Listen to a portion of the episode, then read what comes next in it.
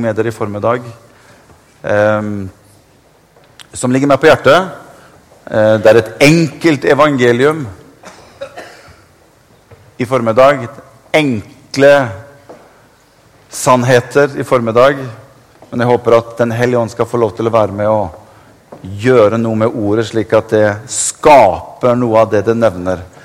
At Dynamitt det kommer som regel i bitte små pakninger, men du verden for en kraft det er når det eksploderer. Eh, vi skal gå til Lukas kapittel 5 og vers 4. Dette er Jesus som kommer til, eh, til stranden til eh, disiplene. Og Jeg har overskriften på det som jeg ønsker å dele med dere i formiddag om, og jeg har kalt det for 'dypere'. Og Jeg har bare lyst til å ta utgangspunkt i det som Jesus sier til disiplene i, i Lukas kapittel 5 og vers 4. Da han var ferdig med å tale, sa han til Simon.: Legg ut på dypet og kast ut garnene til fangst. Legg ut på dypet og kast ut garnene til fangst.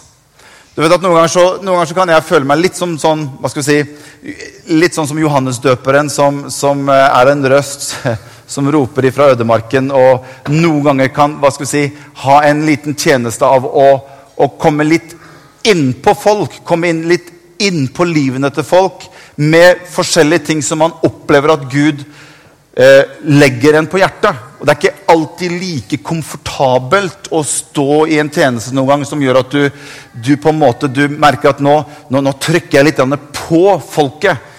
Det er litt sånn som Johannes døperen som kom på liksom å, å omvend dere. Holdt på å si, Skjerp dere. Eh, eh, og Noen ganger så kan jeg føle meg litt sånn som Johannes døperen, som, som kommer litt nærmt innpå.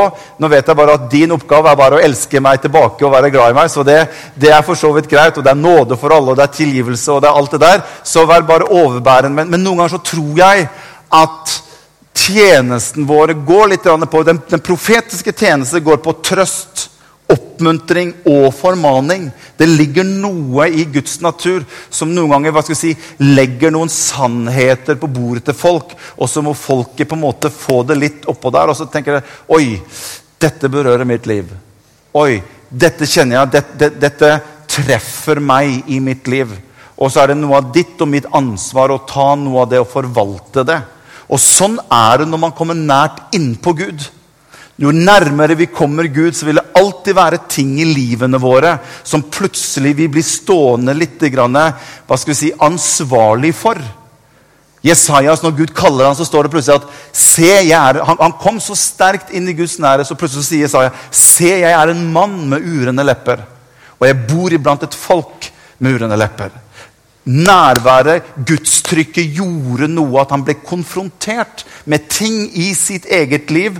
Og det er ikke alt det jeg tenker på de profetene som holdt på i Gamle Testamentet. Det kunne ikke vært mye takknemlig oppgave. Å skulle gå inn der og fortelle folka liksom at nå må dere se og få skjerpa dere. jeg kan ikke holde på, Og så, og så løpe ut igjen etter han har sagt De var ikke mye populære, det skal jeg love deg, de profetene som kom der. Men de hadde noe på hjertet. Eh, og det, er, og det, er, litt det som jeg kjenner noen ganger. Dette, er, dette som jeg opplever at Gud har lagt meg på hjertet i denne formiddagen, det opplever jeg er noe positivt, det er noe bra nå. Fordi at ut ifra teksten her så er det det som Jesus sier til disiplene. At jeg ønsker at dere skal gå dypere ut på vannet, og så skal dere kaste garnet til fangst. Og det er noe i den teksten som traff meg. at jeg opplevde liksom, Herren legger noe i mitt hjerte. Morten. Jeg ønsker å ta deg litt dypere utpå. Jeg ønsker å dra deg litt dypere ifra det sted hvor du er i dag. Og så ønsker jeg å trekke deg enda litt dypere utpå. Og det er alltid en utfordring. Det er alltid noe skummelt, det er alltid noe skremmende med å bli dratt dypere utpå. Fordi at du opplever at når jeg kommer dypere uti noe, så opplever jeg i hvert fall selv at plutselig så begynner jeg å komme inn på områder hvor jeg føler at jeg mister litt kontroll. Jeg har ikke helt oversikten. Dette er ukomfortabelt. Dette er ikke jeg vant med. Men likevel så kjenner jeg på en måte at han drar på meg. Og den der spenningsfeltet der er av og til litt utfordrende for deg og meg som menneske. Og det er noe, noe av det som jeg ønsker å, å, å dele litt med dere i formiddag. Er du med? Men jeg har samtidig sagt her at hvis ikke min forkynnelse Hvis aldri min forkynnelse skaper noe, treffer noe, utfordrer noe, gjør at du kom, og jeg kommer i en liten ukomfortabel situasjon noen ganger, så mener jeg at jeg gjør en dårlig jobb. Jeg er ikke her for å stryke deg og meg etter hårene med budskap som alltid gjør at ja, det er så godt og fint. Ja, det er så flott og fint. Å, det er jo så fint, vet du. Jeg tror noe av min oppgave er også å komme inn og si folkens, jeg føler Gud vil at vi skal gjøre føler Gud vil at du skal komme videre i ditt liv og i mitt liv. Og Det er derfor jeg tror noen av Paulus han sa at be for oss som forkynner ordet, at vi skal forkynne det med frimodighet. Sånn at vi tør å legge litt på bordet til folket. Det er ikke alltid det smaker godt, fordi det kan dra oss litt ut av vår komfortabelhet. Det kan dra oss litt ut fra vår bedagelighet. Og Det er det som noen ganger er vanskelig med oss som troende. Men jeg tror at jeg vet du hva, jeg skal jo ikke stå til ansvar for deg når jeg kommer fram for Herren en gang. Jeg skal jo stå til ansvar for Gud. Min forvaltning av min tjeneste det skal jeg en gang stå innenfor Han med, og ikke innenfor deg og holdt på å si takk og lov for det. Det er han jeg skal stå ansvarlig for. Men dere må be for meg som forkynner ordet, at jeg skal tørre å gi de ting som jeg opplever at Herren legger meg på hjertet. At vi skal ha en atmosfære iblant oss som gjør Jeg ønsker aldri å komme inn og fordømme deg. Jeg ønsker aldri å komme inn og, og, og inn i ditt privatliv. Jeg, jeg ønsker bare å, å, legge ting på bordet for deg som jeg opplever at Herren legger på mitt hjerte. Til trøst til oppmuntring og til formaning. Halleluja. Er ikke det bra? Vet du at Jesus han sier jo det. 'Følg meg', sa han til disiplene. Og så stopper han ikke det. Han sier, 'Følg meg, og jeg skal' Er det noen av dere som husker hva han sier? Gjøre dere, sier han. Følg meg, og jeg vil gjøre deg til noe. Vi kristne har en tendens alltid, eller ikke alltid, vi har en tendens til noen ganger at vi bare stopper etter det første punktet. Følg meg. Frelst, født på ny, klar for himmelen. Som Egil Svartdal kalte for tre stjerners pinsevenn. Alt er i orden. Alt er klart. Herren kan bare komme igjen når som helst. Jeg står klar. Tre stjerners pinsevenn. Men Jesus sa, 'Følg meg'. Så stopper han ikke deg. Så skal jeg få lov til å gjøre deg til noe. Det er en forandringsprosess i det å gjøre. Og det er noe av den delen der som er utfordrende for oss som mennesker. For vi, ja, jeg vet ikke det, jeg kan godt ta imot frelsen, Herre, men den der gjøre-delen, den er jeg ikke så sikker. Men det er et kall i det når Jesus sier 'følg meg', og jeg vil gjøre deg til noe. Jeg har en plan, jeg har en oppgave for deg. Jeg ønsker at dere skal være lys og salt her i verden. Jeg ønsker at du skal være til noe mer enn at det er bare ditt liv som blir reddet. Men jeg ønsker at du skal være en velsignelse og en redning for mange mennesker rundt deg, slik at jeg kan få lov til å jobbe gjennom livet ditt og ut til andre mennesker. Og i den spenningsfeltet der så trenger Gud å gjøre noe med oss. Det er to elementer i dette. Det ene er den bedagelige siden. Jeg vet ikke om det er noen av dere som kjenner dere bedagelig, men jeg, er, jeg tenderer til bedagelig. Jeg tror det samfunnet vi lever i, er meget bedagelig. Vi har det utrolig godt. Og da blir jo det der med at, at når en skal begynne på en måte å komme inn og skal gjøre meg til et eller annet, jeg skal forandre meg, det er, det er ikke så bedagelig. Nei, det er ikke så ålreit. Jeg, vil helst holde det litt på avstand. Bedageligheten kan være med på å hindre og bremse Guds verk i meg, slik at han ikke får til å få gjort det som han ønsker å gjøre gjennom ditt og mitt liv. La aldri bedageligheten hindre Guds plan i å bli gjennomført i ditt og mitt liv. Og så har du den andre delen som har med det normale å gjøre. Vi ønsker bare at ting skal være som det er. Ja, men Er det ikke greit at det bare er sånn som det er nå? Det er jo litt så ålreit og greit, det. Ikke, ikke, ikke, ikke bry så mye La det bare være sånn. La oss bare holde det på normalen som vi har det sånn. Og det er jo det Abraham sier til Gud når Gud sier at på neste år så skal du føde en sønn. Sara skal føde sønn. Jeg vet ikke om dere husker når jeg talte om dette for en stund tilbake. Og Så sier, så sier Abraham ja, men kan vi ikke bare, altså Nå har vi Isak. Nei, nå har vi, nå har vi Ismail. Kan vi ikke bare la Ismail få, være det som liksom er normalen, da? normal noen ganger. Det vi kan få til, det vi kan kjempe for, det vi kan ha kontroll på, har vi veldig lett noen ganger for at vi ønsker at la, la bare det være det som har med ditt rike å gjøre, Gud. Men Gud er en overnaturlig Gud, og han ønsker å være en overnaturlig Gud midt i ditt og mitt liv. Han ønsker å være en overnaturlig Gud i kirken vår og igjennom oss som kristne. Hvis vi bare har Ismael-tendensen i livet vårt, så vil aldri den overnaturlige Gud få lov til å være Gud. Og han ønsker å være Gud midt i ditt liv. Hvis ikke jeg trenger en Gud som er overnaturlig, ja, hva skal jeg med Gud da? Da kunne han jo bare hentet meg rett hjem med det samme jeg bekjente min munn og trodde mitt hjerte. Så kunne jeg bare, så var jeg borte. Men Jesus sa, 'Jeg ber at at du, ikke skal ta dem ut av denne verden,' 'men jeg ber om at du skal bevare dem i denne verden.' 'For jeg ønsker å være Gud midt iblant mitt folk for å vise andre mennesker noe mer.' Og Derfor så opplever jeg at Gud kaller på mitt hjerte, Morten. Jeg ønsker å dra deg dypere. Jeg ønsker å ta deg lenger inn på områder som du opplever er utfordrende, kanskje litt skremmende, kanskje litt vanskelig. Men jeg ønsker å ta på deg. Jeg ønsker å dra deg nærmere meg, slik at din komfortabelhet blir litt grann Stir the waters. Det var engelsk.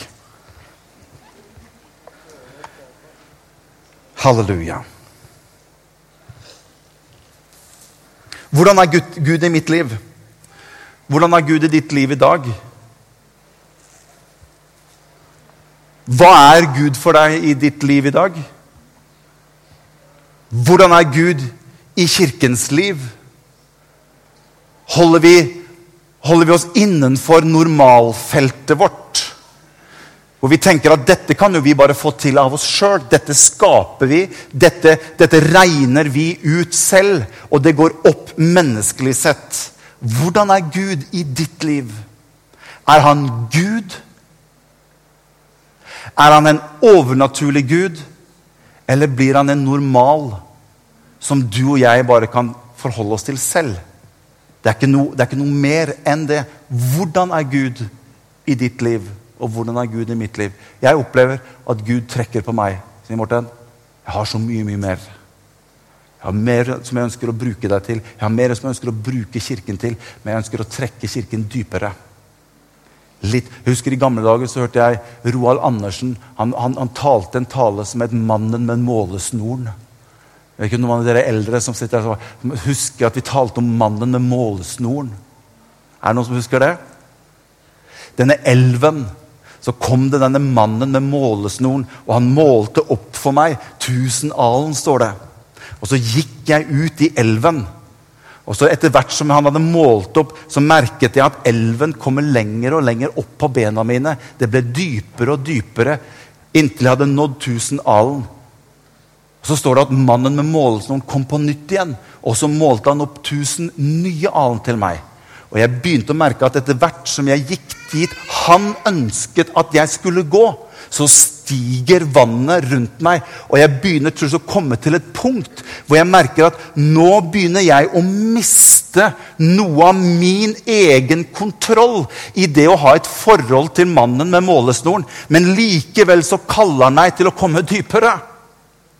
Og jeg tror det er noe av dette som Jesus prøver å si til disiplene sine. når han kommer hit. For når Jesus kommer til disiplene, så står det at de hadde latt båtene ligge. Og så har han bare gått dem på land, og så står det at de holdt på å fikse med garnene sine. står det. Og jeg tror Det er et utrolig godt, godt, eksempel på hvordan du og jeg vi kan holde på bare med det normale som vi holder på med. Vi, holder, vi møtes hver søndag, det er ikke noe galt i det, men vi møtes vi, vi, vi driver bare på med, med, med, det samme. Og det var det disiplene De holdt på med garnene sine der. Båtene sto der nede.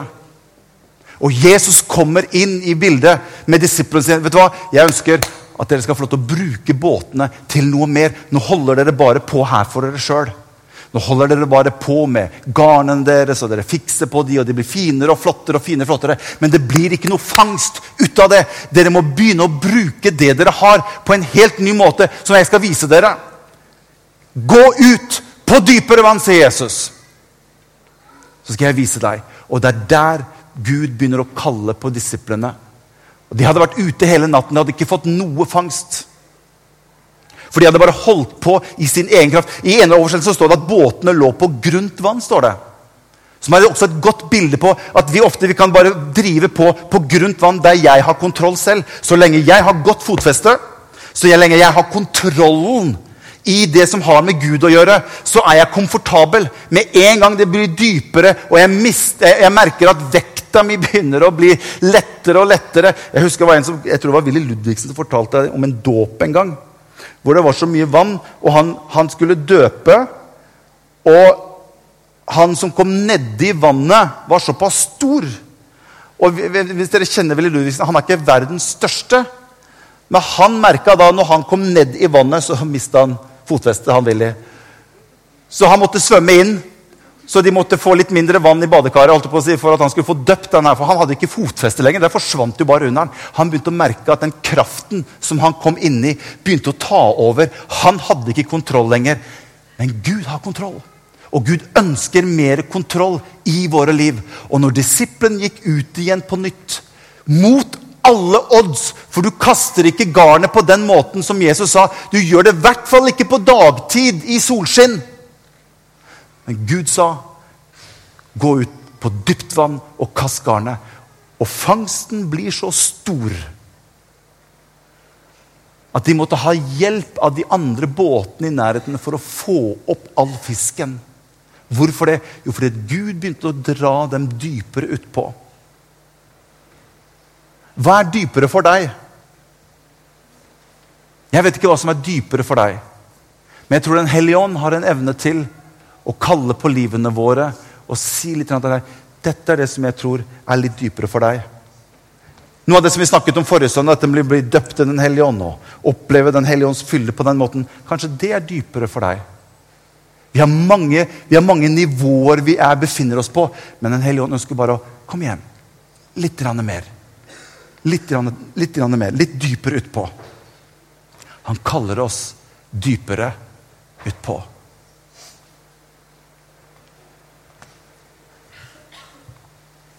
Mange mennesker opplever at med en gang man begynner å komme, bli ukomfortabel, så blir jeg litt sånn smånervøs.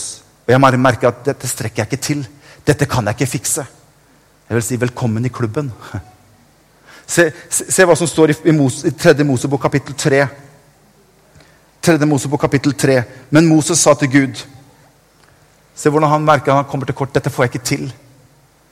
For når Gud begynner å kalle på deg, så kan det hende at du opplever at dette tør jeg ikke. Dette kommer jeg ikke til å få til. Her kommer jeg til kort.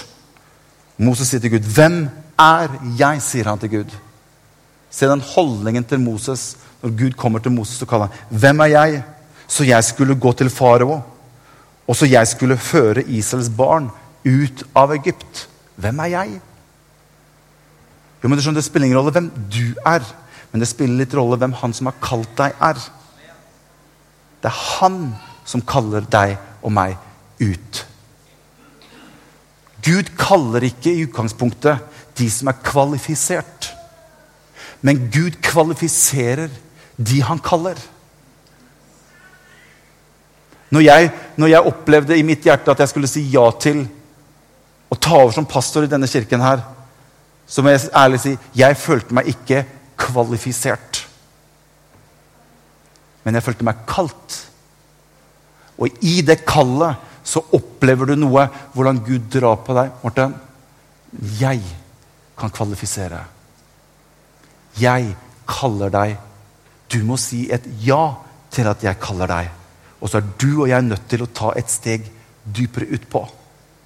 Se Gideon når Gud kommer til Gideon og kaller Gideon til å fri Israel ut fra filistrene.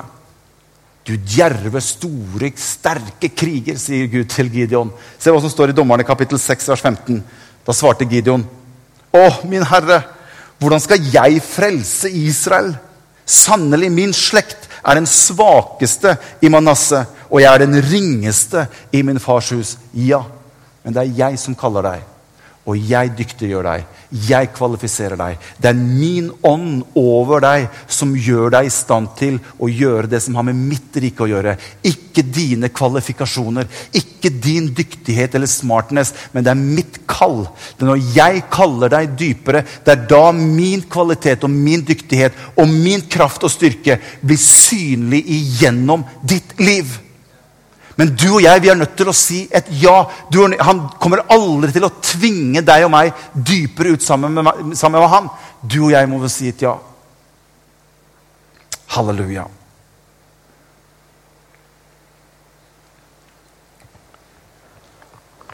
Legg ut på dypt vann.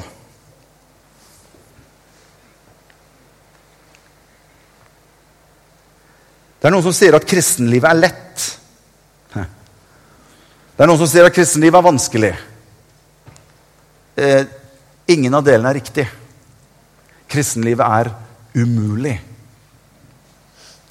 Hvis du sier at kristenlivet er vanskelig, så er det fordi at du prøver selv å få det til. Og når du og jeg prøver å få til kristenlivet vårt selv, så vil vi mislykkes.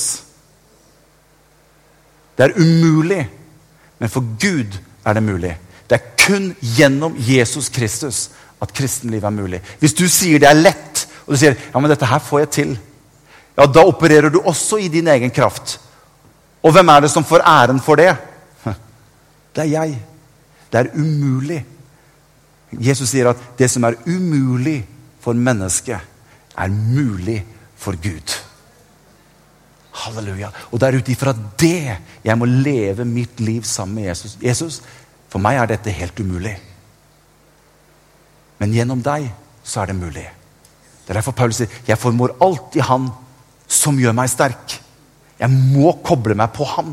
Det er Han som får det til igjennom mitt liv. Og jeg har så lyst til å utfordre oss alle sammen på det nivået hvor du befinner deg. Prøv litt, da. Det er som Jesus sier, Kom igjen, prøv litt. Prøv meg når barna blir syke. Prøv en gang. Og legg hendene på barna ditt når de er syke. Og be en bønn for dem.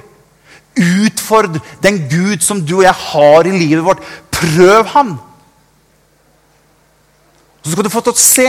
Og du kan godt hende at du kjenner at det her er litt, dette er litt, det her er litt dypere ut for meg. Yes.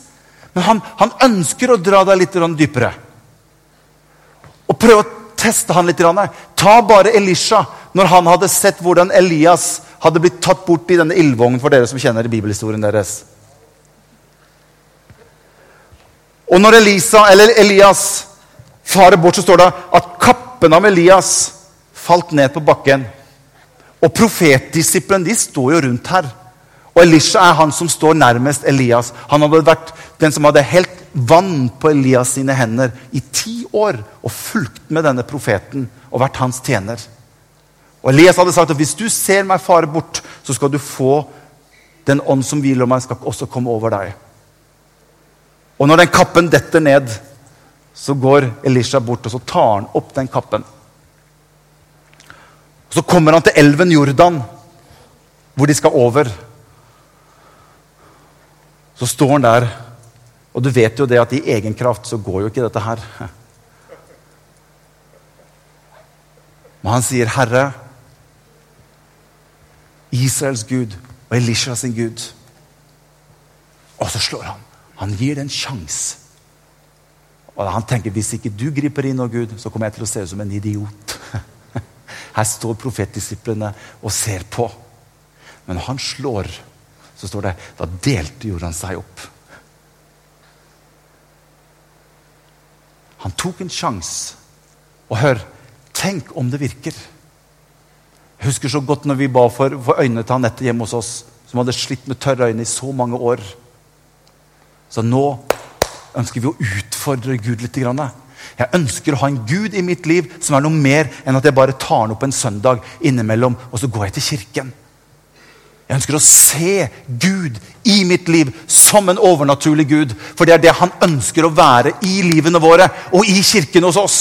Han ønsker å være Gud iblant oss. Og Jeg la hendene på Anette. Vi sto der og ba. Jeg vet ikke om noen av gutta var med også.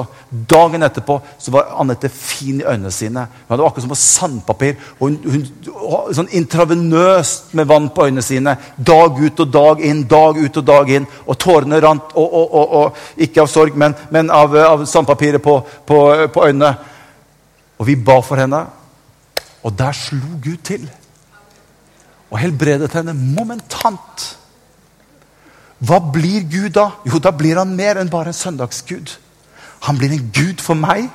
En overnaturlig gud. Og jeg turte å gå litt litt dypere utpå. Gud, nå er jeg litt på tynn grunn. Jeg å si tynn grunn, var ikke det. Dypere vann, det var jo det vi skulle finne. Tynn is, kan du si. Det er bedre, for det kan være dypt under. Så det er for så vidt greit. Da går bildet opp, liksom. Nå er jeg litt på tynn is og på dypt vann. Og jeg tror Gud drar på oss. For jeg sa til Gud ja men Gud, hvordan kan en kirke komme dypere? liksom? Det blir litt sånn, hva, hva, hva er det du mener? Jo, når hver enkelt av oss tar vårt steg, der hvor vi er på de forskjellige områdene i livet vårt, da beveger Kirken seg dypere ut. Og jeg kommer til å vise for dere at jeg er Gud. Jeg kommer til å helbrede din sønn og din datter hvis du tør å begynne å legge hendene på og be så ønsker Gud å vise seg sterk i våre liv. Ja, men når, da? Ja, dette, tar vi, dette tar vi litt lenger fram. I morgen, i morgen, men ikke i dag. Nei, i dag, nei, i dag er jeg ikke i slag. Hva heter det? I dag skal jeg ligge på ryggen og se. Vet du, Vi har alltid en tendens til noen ganger at dette Det var sikkert litt vanskelig for tolkene, tenker jeg. akkurat den der. Hvis ikke du får tydningen på den. Den er ikke enkel å ta. Rett på spansk, liksom. Ja. Vi har så lett for å utsette ting. Ja, men i morgen, da skal jeg. Jeg, jeg, skal bare bli ferdig med, med, med det. Ja, skjønner, nå er jeg i en periode i livet mitt hvor det er litt sånn og sånn. og sånn. Så når, når det kommer på plass, da skal jeg. Og vi har alltid en tendens til å tenke at i morgen skal jeg gjøre noe med det. I morgen, når det blir bedre. Bare jeg får litt bedre økonomi, da skal jeg gjøre det. Eller bare jeg blir litt ferdig med utdannelsen min, da kan jeg. Eller hvis jeg blir ferdig med Hør! I morgen, når du kommer dit, hvor kommer du til å være hen da? Her. Nå. Du vil alltid være her og nå. Og Gud kaller deg i dag. Gud kaller deg i dag. Han kaller deg ikke i morgen. I dag er nådens dag, står det. I dag er nådens dag. Kan vi ikke reise oss opp, alle sammen?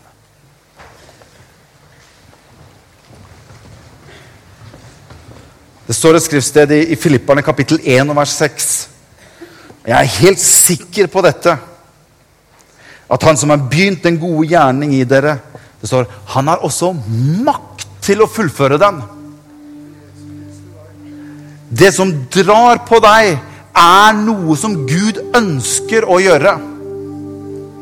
Og han kaller på livet ditt i dag. Han kaller på livet ditt her og nå. Kan vi ikke lukke øynene våre, alle sammen? Jeg vet at det er mange av dere som kanskje har opplevd at dere